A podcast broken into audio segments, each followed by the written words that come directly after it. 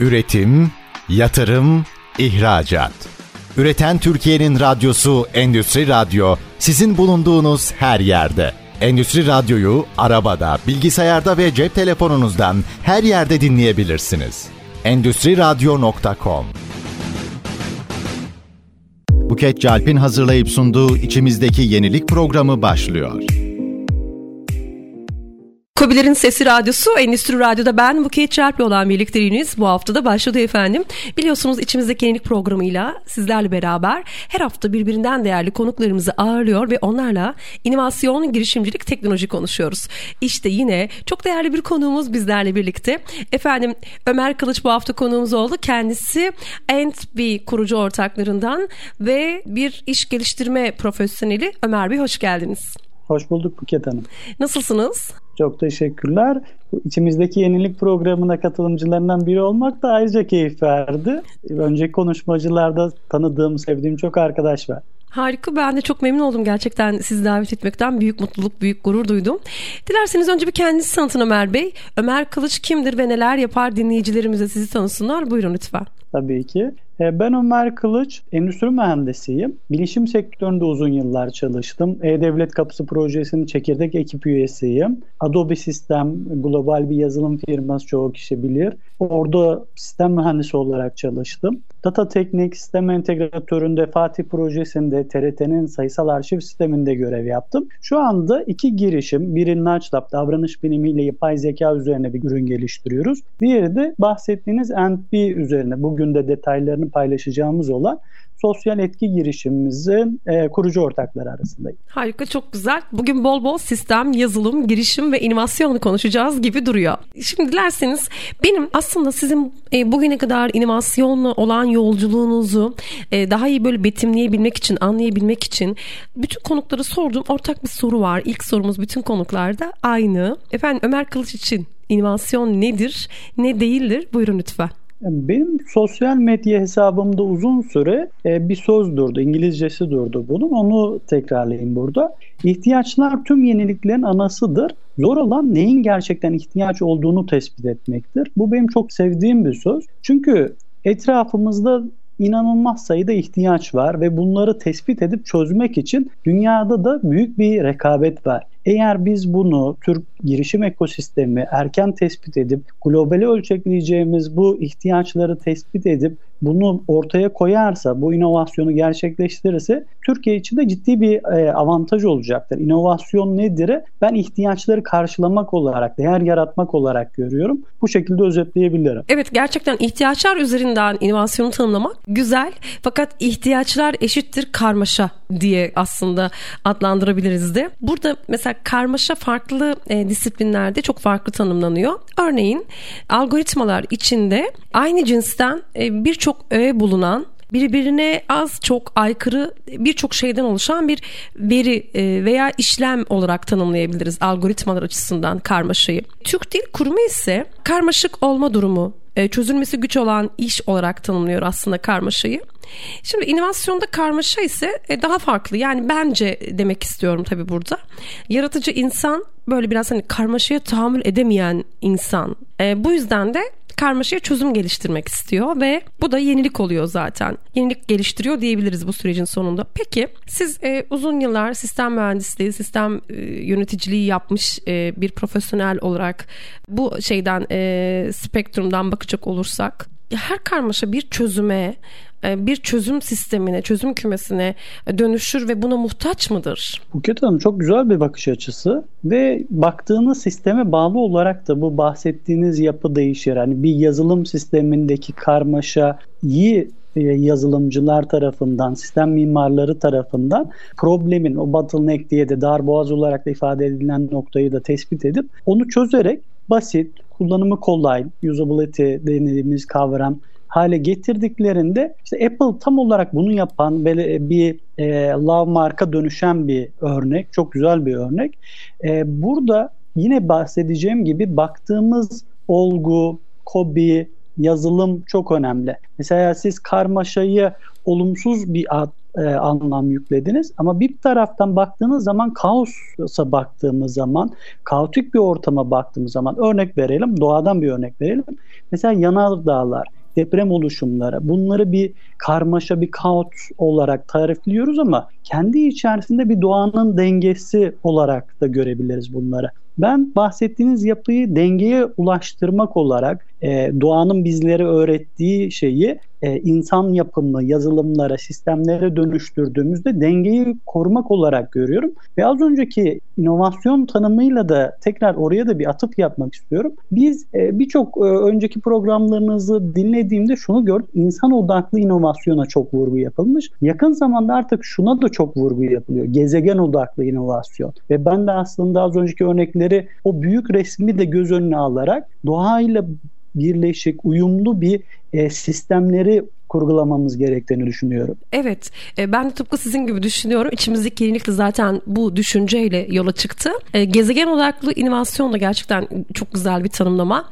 Benim de sıkça duyduğum ve e, aslında odaktaki insanın gezegen odaklı inovasyon geliştirme süreciyle ilgili kolaylaştırma faaliyetleri ya da beceri setleri geliştirme faaliyetleri üzerine kafa yorduğum bir alan. Buradaki sistem düşüncesi aslında hani çekirdekteki sorunu soruna kadar kadar inme ve e, sorun için ciddi bir aslında içgörü oluşturma katkısı sunuyor bence. Biz e, bütün e, karmaşayı e, bütün olası nedenleriyle birlikte ele almadığımız zaman yani çok geniş bir perspektiften bakıp ama odaklanmadığımız daha dar bir çerçeveye taşıyarak odaklanmadığımız süre içerisinde tekrarlamaya aslında mahkum oluyor e, bu karmaşalar. E, ve bu hani sistem yaklaşımı dilerseniz çok büyük bir fabrikanın işte e, bütün faaliyet süreçlerini belli standartlara getirecek işte bir dokümante edecek bir sistem kurun ve bunu performansını ölçün, takip edin, yönetin. E, dilerseniz çok karmaşık bir sürecin yazılımını gerçekleştirin, algoritmalarını gerçekleştirin ve kolaylaştırın. Hangi açıdan bakarsanız bakın yani en hani doküman edilmiş ilkel yöntemden daha ileri dijital yönteme doğru gelirseniz gelin oradaki hani kullanım kolaylığını ve gezegene hizmet eden taraflarını aslında çıkardığınız zaman yani yapılabilir bir şeyi kullanılabilir kılmadığınız zaman e, o zaman burada bir verimlilikten bahsetmek maalesef mümkün olmuyor. Buradaki Kesinlikle. belki de sistem anlayışı, sistem yaklaşımını da biz artık insan odağına gezegen odağına çekmemiz gerekiyor. E, böyle çok güzel önce şey oldu hatırlarsanız kadınlarımız çok fazla alışveriş yaptı. Aslında sadece kadınlarımız değil tüketim toplumu demek lazım. Böyle cinsiyetçi konuşmalar asla yapmıyoruz. E, çok ciddi tüketim e, aslında e, özendirildi değil mi? Özellikle 1800'lü yılların sonlarına doğru endüstri devrimleriyle birlikte ciddi bir tüketim çılgınlığına aslında dünya girdi.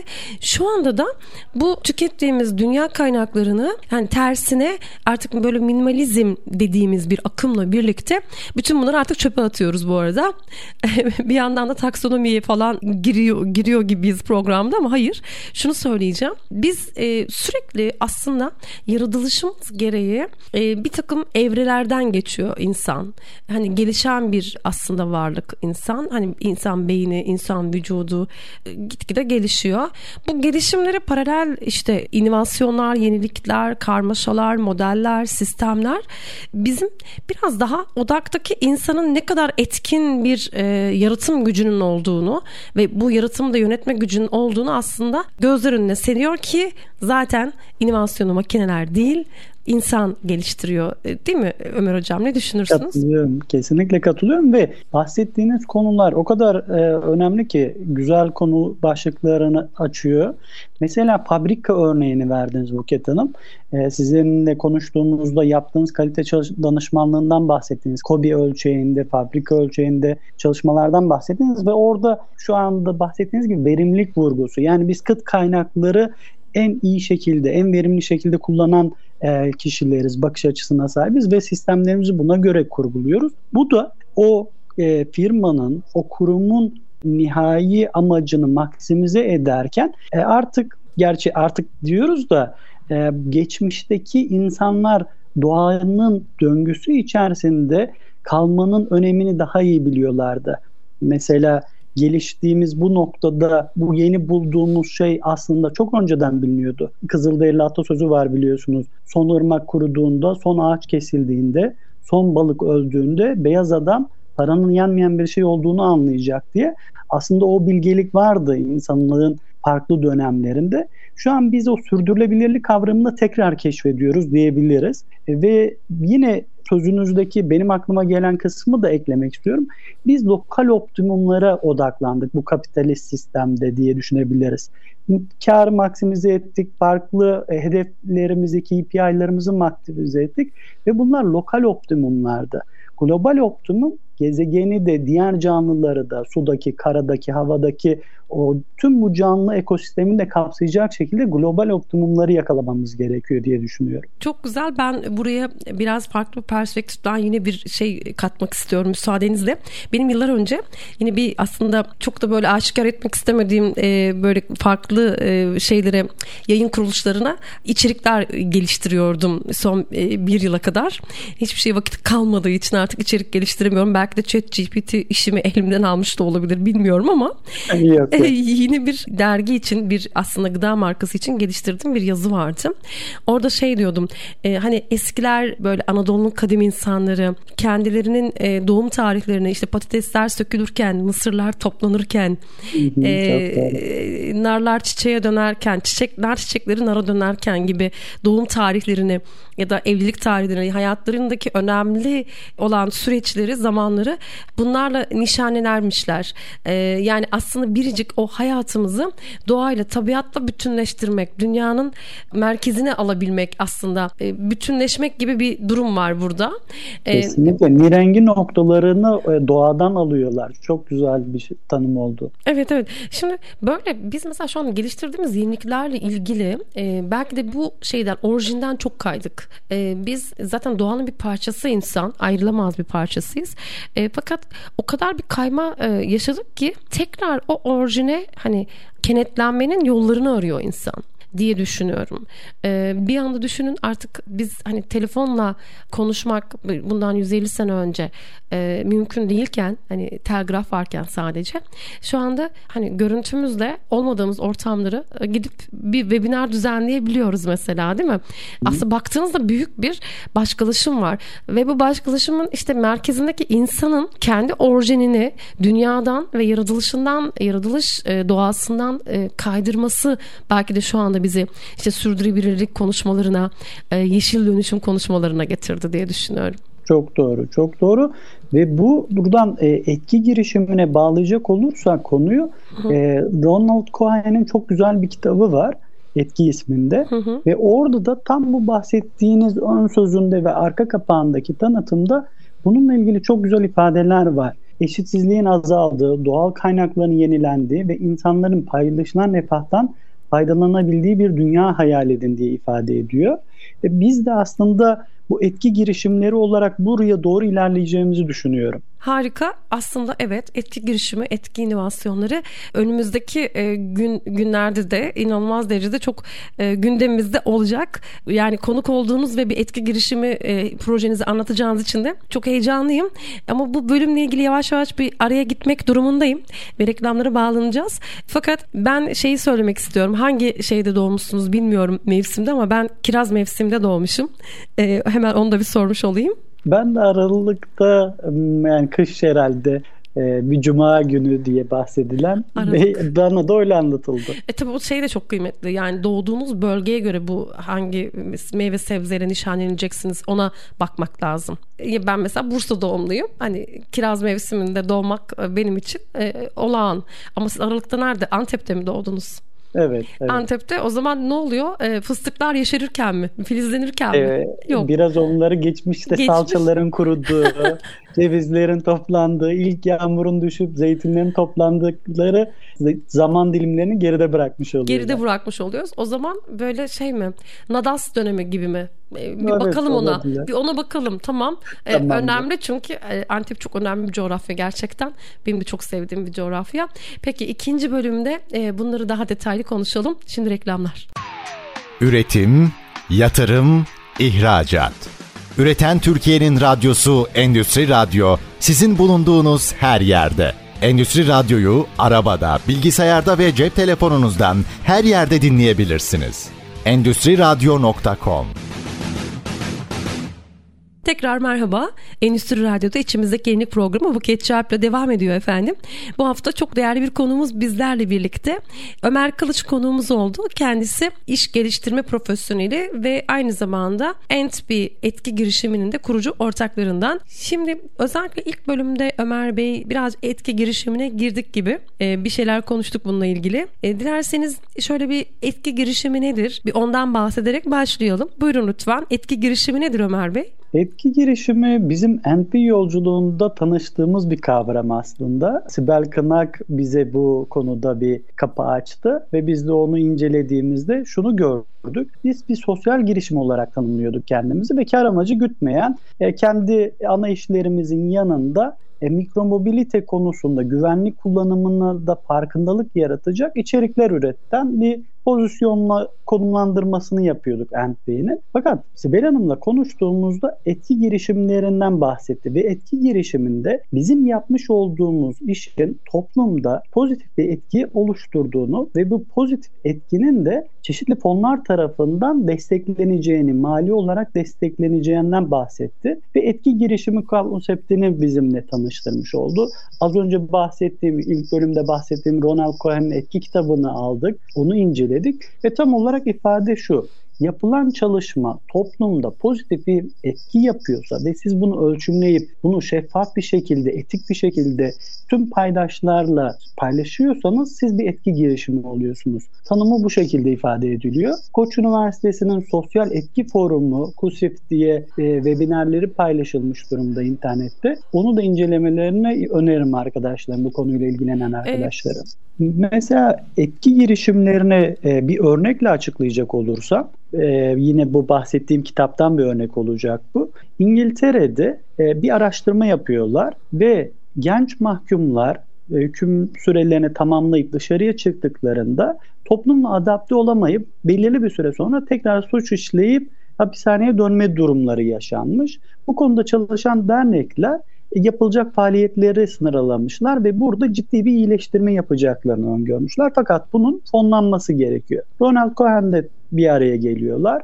E, bütün bu projeyi güzel bir şekilde tarifleniyor ve Adalet Bakanlığı'na gidiyorlar. İngiltere Adalet Bakanlığı'na gidiyorlar. Orada bakan tamam diyor bunu ilk defa yapacağız. İlk olması genelde sıkıntılıdır ama çok güzel bir çalışma olduğundan dolayı siz iki sene içerisinde vaat ettiğiniz yüzde yedi gibi bir oran hedefi var. E, bu kişilerin hapse dönmesini yüzde yedi iyileştirirseniz yaptığınız faaliyetlerin finansmanını biz Adalet Bakanlığı olarak karşılayacağız sözünü veriyor. İki sene bu çalışmalar yapılıyor. İki senenin sonunda yüzde dokuzluk bir iyileşme ortaya konulduğu görülüyor ve etki girişimine yatırım yapan Ronald Cohen ve onun gibi bu sosyal tahvilleri alan kişiler Adalet Bakanlığı'ndan ödemelerini geri al, yaptıkları yatırımı geri alıyorlar. Bunun gibi etki girişimleri tüm dünyada yayınlan, yayılıyor Buket Hanım. Evet gerçekten e, çok güzel. E, bu uzun e, vadede de daha çok konuşmaya başlayacağız etki girişimini. Hatta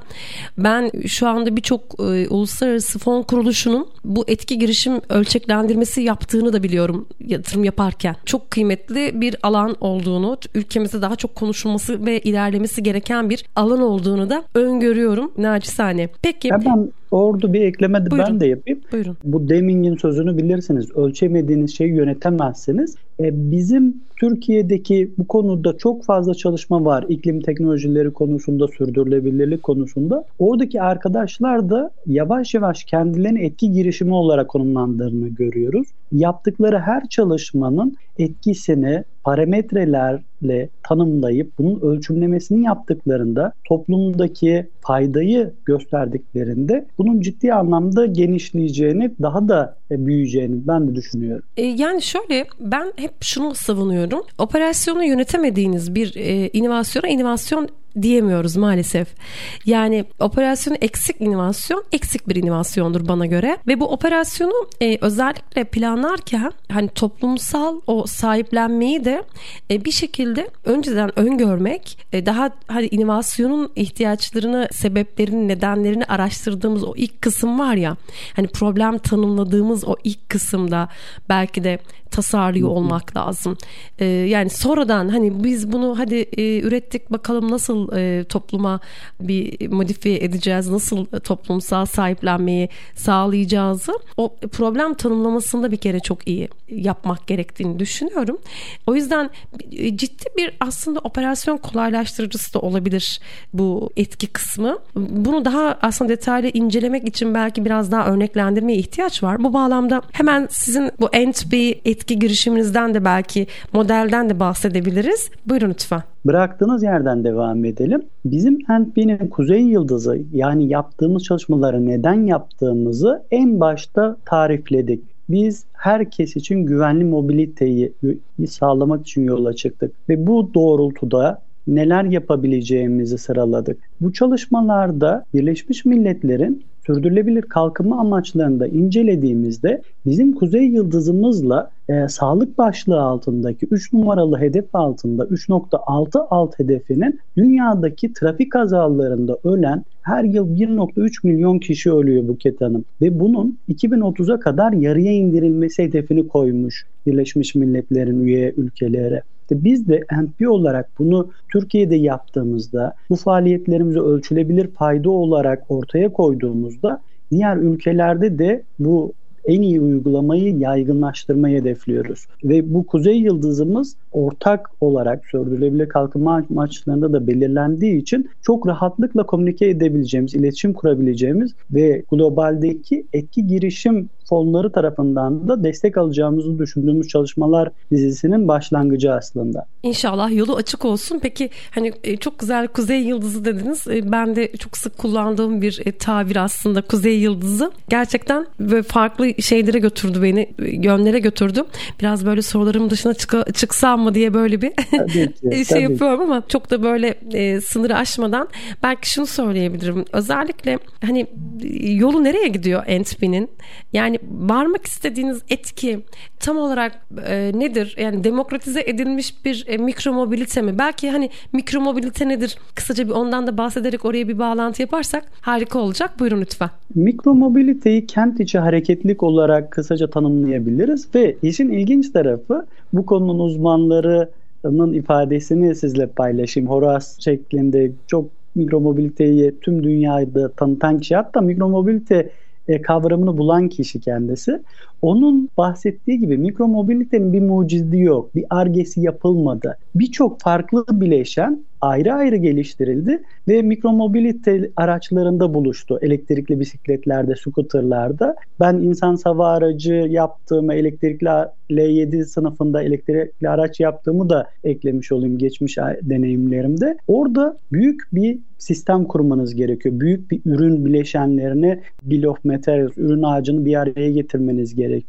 Ama scooter'da çok daha basit bileşenler var. Yani çok basitleştirirsek iki boru, işte tekerlekler, güçlü bir batarya, iyi bir elektrik motoru ve iletişimi sağladığımız o BMS'i tabii motor sürücülerine de yazılımsal boyutlarını da eklediğimizde evet küçüldü, basitleşti ama hala çok yüksek teknoloji bir ürün barındırıyor. E, GSM operatörleriyle konumunu paylaşıyor, batarya seviyesini paylaşıyor e, gibi kilit mekanizmaları var. Mikro mobilite araçları işte bu küçük araçları bizim evimizden çıktığımızda alternatif bir ulaşım seçeneği olarak sunan bir yapı, bir ekosistem diye bahsedebilirim. Ve çok uzun mesafe gitmiyorsunuz. Buradan alışverişinizi yapmak için manava gidiyorsunuz, e, eczaneye gidiyorsunuz veya toplu taşım durağına ulaşarak yolculuğunuzu toplu taşımla devam ediyorsunuz. E, bizim yolculuğumuzu sormuştunuz. Nereye gidiyor diye bahsettiniz. İşte aslında NP ismi de A noktasından B noktasına giden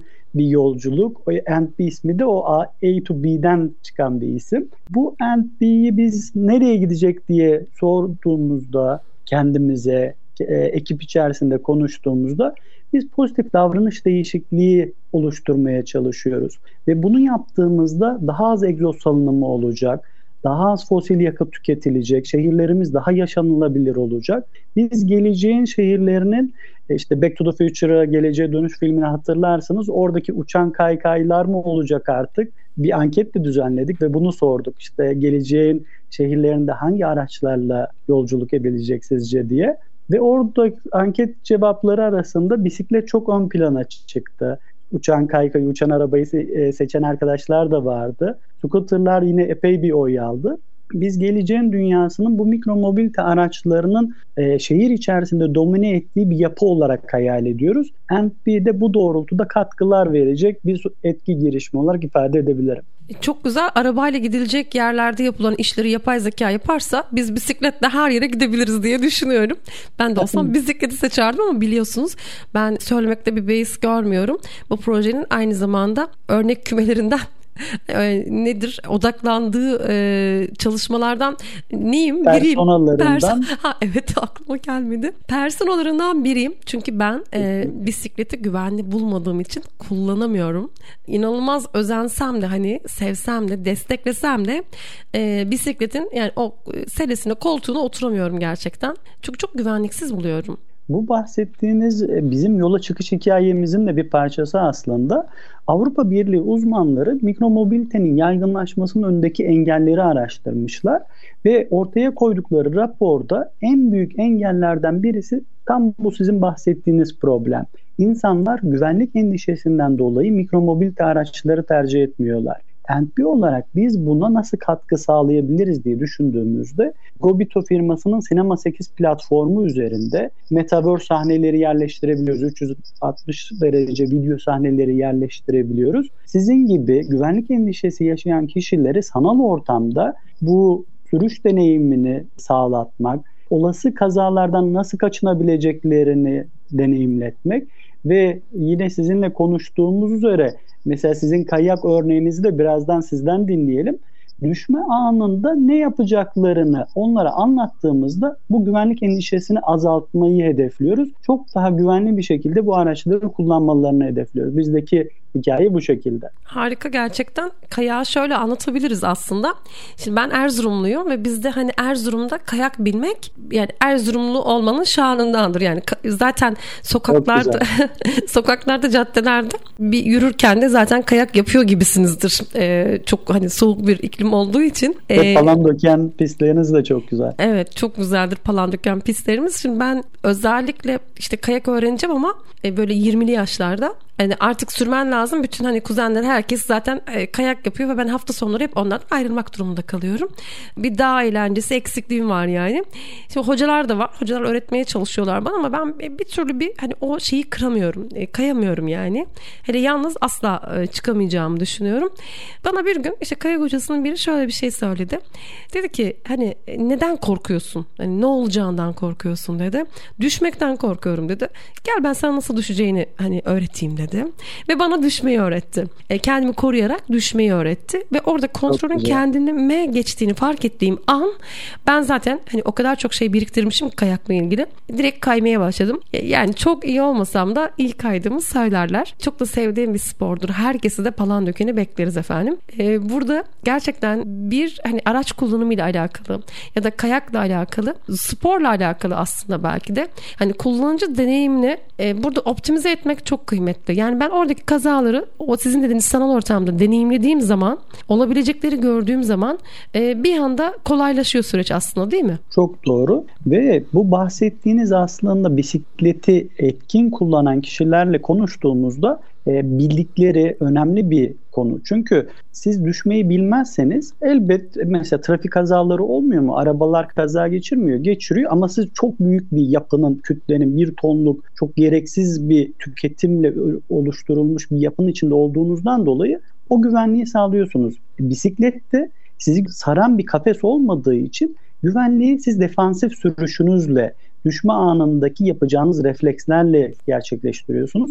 Bizim ekip üyelerinden Gezer ailesinden Ayşe Hanım'a babası tam bu sizin az önce ifade ettiğiniz eğitimleri, o refleksleri e, vermiş ve çocukluğundan itibaren bu deneyimle geldiği zaman şu an elektrikli bisikletiyle 2 yılda 7000 kilometrenin üzerinde mesafe kat etmiş Ayşe Hanım. Ve biz bu e, best practice en iyi uygulamanın yayılmasını istiyoruz. Çünkü Mersin gibi, Antalya gibi e, üç tarafı denizlerle çevrili olan ülkemizin kıyı kentlerinde çok güzel alanlar var. Düz olmasının da avantajını kullanarak o sahil şeridinde ve içeriye doğru giden yollarda çok güzel bisiklet yolları yapılmış. Şimdi güvenlik konusunda güvenlik endişesini e, bertaraf etmenin bir diğer yolu da sizin o büyük araçlardan ayrı bir yolda ilerlemeniz, okula giderken, işe giderken bu yollarda güvenli bir şekilde ilerlemenizi sağlamak. Bu da ikinci kısım olmuş oluyor. Toplu taşımayla entegre olması yani bahsettiğim Avrupa Birliği uzmanlarının mikromobilitenin gelişmesinin önündeki ikinci büyük engeli de toplu taşımayla entegrasyonu sorunuydu.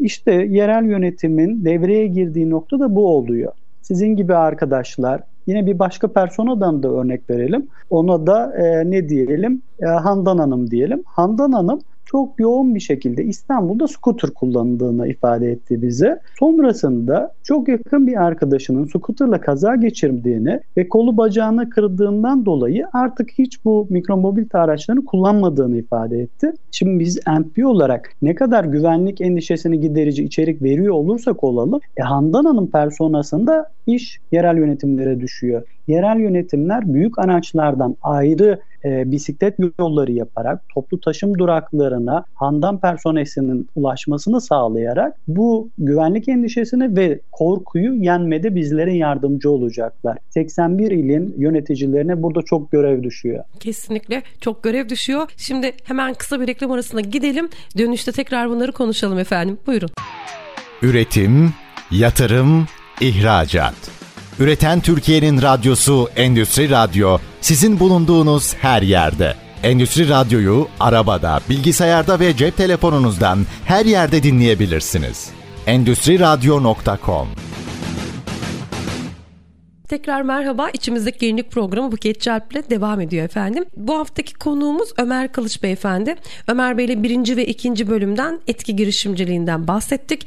İnovasyondaki insan odağından bahsettik. Gezegen odaklı inovasyonlardan bahsettik. Şimdi dilerseniz aslında bütün bunları daha derli toplu ele alan e, Birleşmiş Milletler'in sürekli kalkınma amaçlarıyla ilişkilendirdiğimiz bir bölümde oldu aslında. Bu etki girişiminizin de ilgili olduğu alanlardan bahsettik ama e, biraz biraz daha belki burayı açabiliriz. Şu anda bütün gelişmiş ülkelerin odağında siz en çok hangi SK'larla ilgilisiniz? Hangi çalışmaları yürütüyorsunuz alanla ilgili? Buyurun lütfen. Bahsettiğiniz gibi buna biraz değindik. Detayına girelim ve başka hangi SK'larla ilişkili olduğumuzdan da bahsedelim. Şimdi 3.6 ile birebir örtüşüyoruz. Trafik kazalığındaki ölümlerin ve ciddi yaralanmaların %2030'a kadar %50 azaltılması bizim kuzey yıldızımız. Bu çalışmalarda Dünya Sağlık Örgütü'nün paylaştığı bir veriyi de bahsetmekte fayda var. Bu hayatını kaybeden kişilerin %54'ü korumasız yol kullanıcıları, yayalar, bisikletliler, motosikletliler ve kullanımı giderek artan scooter kullanıcıları.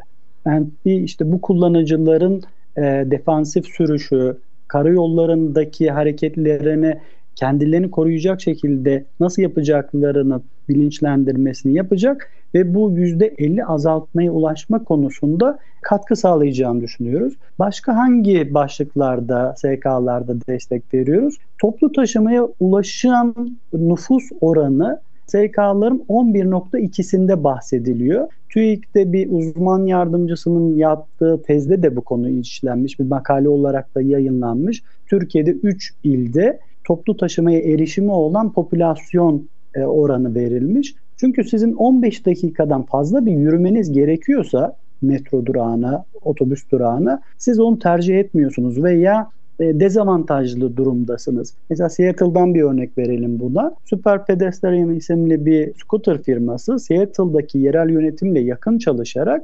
dezavantajlı gruptaki alt gelir grubundaki kişilere e, scooter sürme hakkı tanıyor ve bu kişilerin toplu taşımaya erişimini bu şekilde destekliyor. Biz bununla da çok yakın ilişkiliyiz. Yerel yönetimle paslaşacağımız bir konu başlığı da bu olacak. Bir başka konu yıllık sera gazı emisyonu. Kentlerde biliyorsunuz en ciddi kirletici faktörlerden biri kullandığımız araçların egzozları egzoz emisyonları. Yine kurucularımızdan Özgür Polat e, hocamızın de bahsettiği bir anekdot var. Almanya'da duran bir araba çalışır vaziyette. Yayalar e, gidip sürücü uyarıyorlar. Madem duruyorsun uzun da sürdü durman lütfen motoru kapatır mısınız diye bu sürücüyü uyarıyorlar. Neden? Çünkü sağlıklarını ciddi biçimde etkilediğinin farkındalar.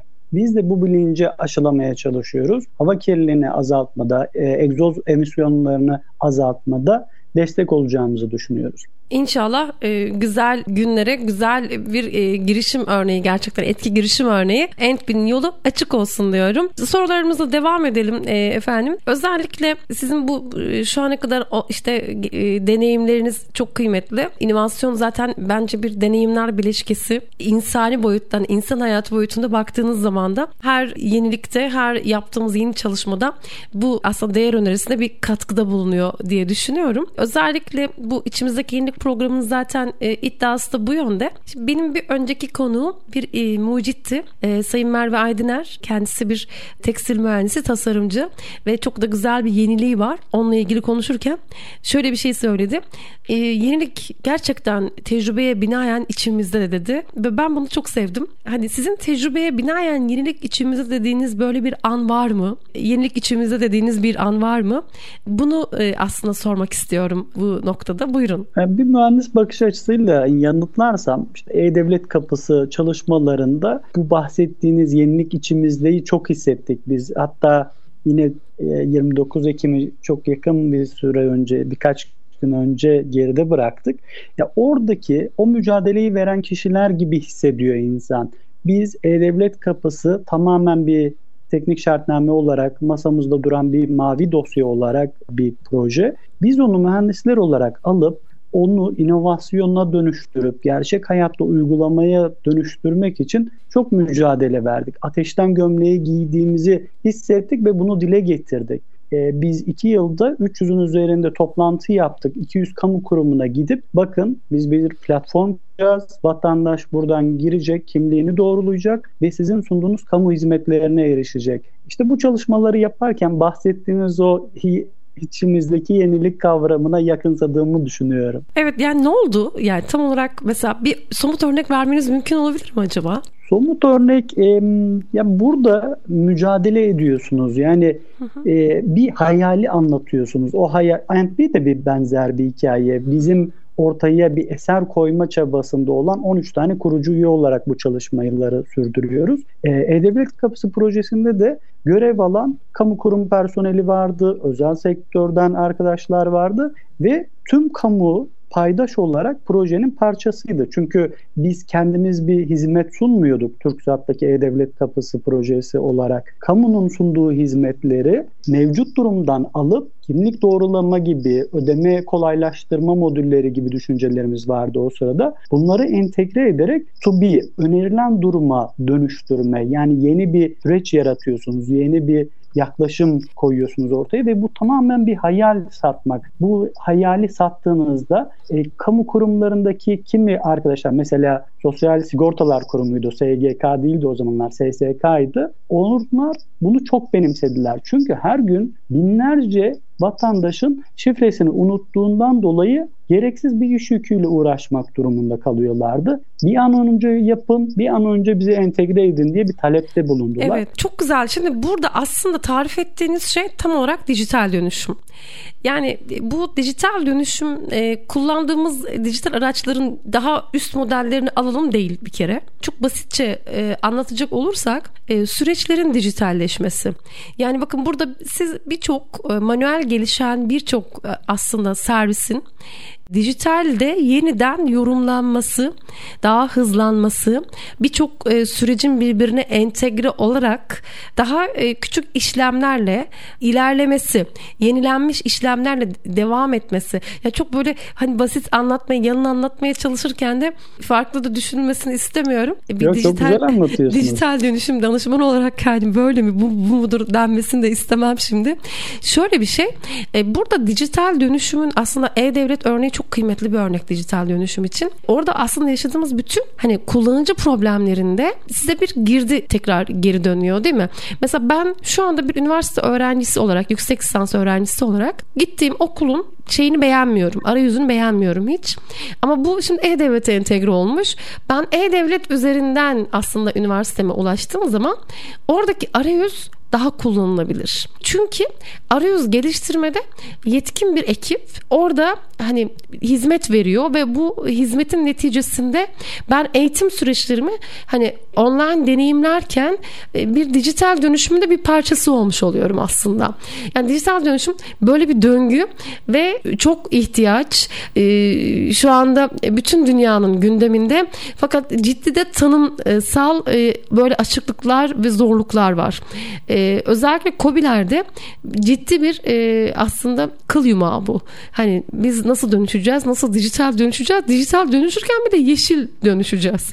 Yani şey gibi her şey bitti bir de yeşil kaldı der gibi e, sürekli bir şey çıkıyor böyle içerisinden. Belki birazcık bu alana girebiliriz. Hani siz bunu zaten deneyimlemiş, e, yönetmiş bir iş geliştirme profesyoneli olarak nedir bu dijital dönüşüm ve dijital dönüşüm süreçlerin özellikle ülkemizdeki gelişimi ne yönde e, nasıl devam edeceğiz? Neler yapacağız? Buyurun lütfen. Buket Hanım e, bahsettiğiniz o tanımlamayı ben kıymetli buldum. Çünkü biz basitleştirerek anlatmamız gerekiyor. İşte KOBİ yöneticisi, karar vericisi bunu zor, kompleks bir kavram olarak ele aldığında korkuyor ve uzak duruyor. Halbuki eğer bunu yapmazsa geleceğin dünyasında yeri olmayacağını çok net anlaması lazım.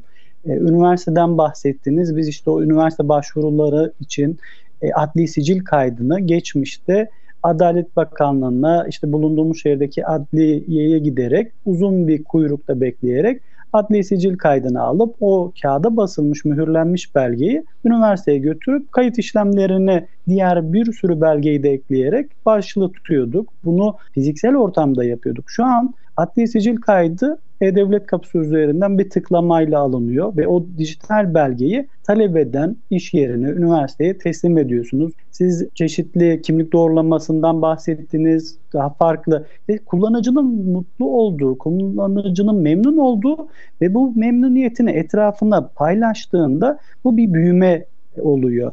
Ve COBİ'lerde bankalar, daha farklı tüm bileşenler. İşte bu zaten bilgi toplumu stratejisinde üç bileşen vardı. Devlet bunun öncüsü olacak kamu tarafı. Şirketler, işletmeler, kobiler buna dahil olacak. Vatandaşlar da bunun memnuniyetini görecek ve bu dünya içerisinde kendi kurgusunu, kendi girişimlerini bu şekilde kurgulayacak. Ve Türkiye bu konuda çok iyi noktada. Dijital dönüşümü sordunuz. E, TÜBİTAK'ın çok güzel bir programı var. İkinci dönemini açtılar.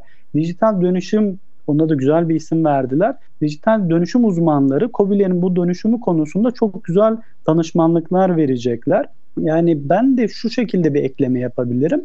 Bahsettiğimiz yapı kağıttan bizi dijitale taşıdı. Mobil cihazlarla internete bağlı akıllı cihazlarda Steve Jobs'ı da burada analım. Eğer o olmasaydı biz masa başı bilgisayarlarla, laptoplarla bu kadar büyük bir kitleye bu kamu hizmetlerini E-Devlet kapısı üzerinden veya bankalar bankacılık hizmetlerini ulaştıramazdı. Trend yol gibi işte pazar yerleri son tüketiciye ulaşamazdı. Şu an internete bağlı akıllı cihazlarımızla tüm bunları yapabiliyor durumdayız. COBİ'lerin de bunu görmesi ve buna adapte olması gerekiyor. Sadece dijitali taşımaları da yetmiyor satış süreçlerini, destek süreçlerini, şikayetleri yanıtlamayı. Akıllandırmaları da gerekiyor. Yapay zeka modülleriyle 100 bin kişiye şu an hizmet verebiliyorlarsa yapay zekanın dil desteğiyle, chatbotlarıyla yüz milyonlarca kişiye hizmet verebileceklerini biliyor olmaları lazım ve bu modülleri kullanıyor olmaları lazım. Bir başka ekleme daha yapayım benim bakış açımdan, bilgi birikimimden. Davranış bilimini de süreçlerine dahil etmeleri gerekiyor. Dijital dönüşüm serüvenlerine dahil etmeleri gerekiyor. Neden? Çünkü Amazon bir kitap aldığınızda size bir öneride bulunuyor e, o kitabı almaktan vazgeçtiğinizi anladığında kapat ekranına doğru mouse hareket ettirdiğinizde size yüzde belli bir indirim sunuyor ve o satın alma davranışınızda etkide bulunuyor. Bunun gibi birçok algoritma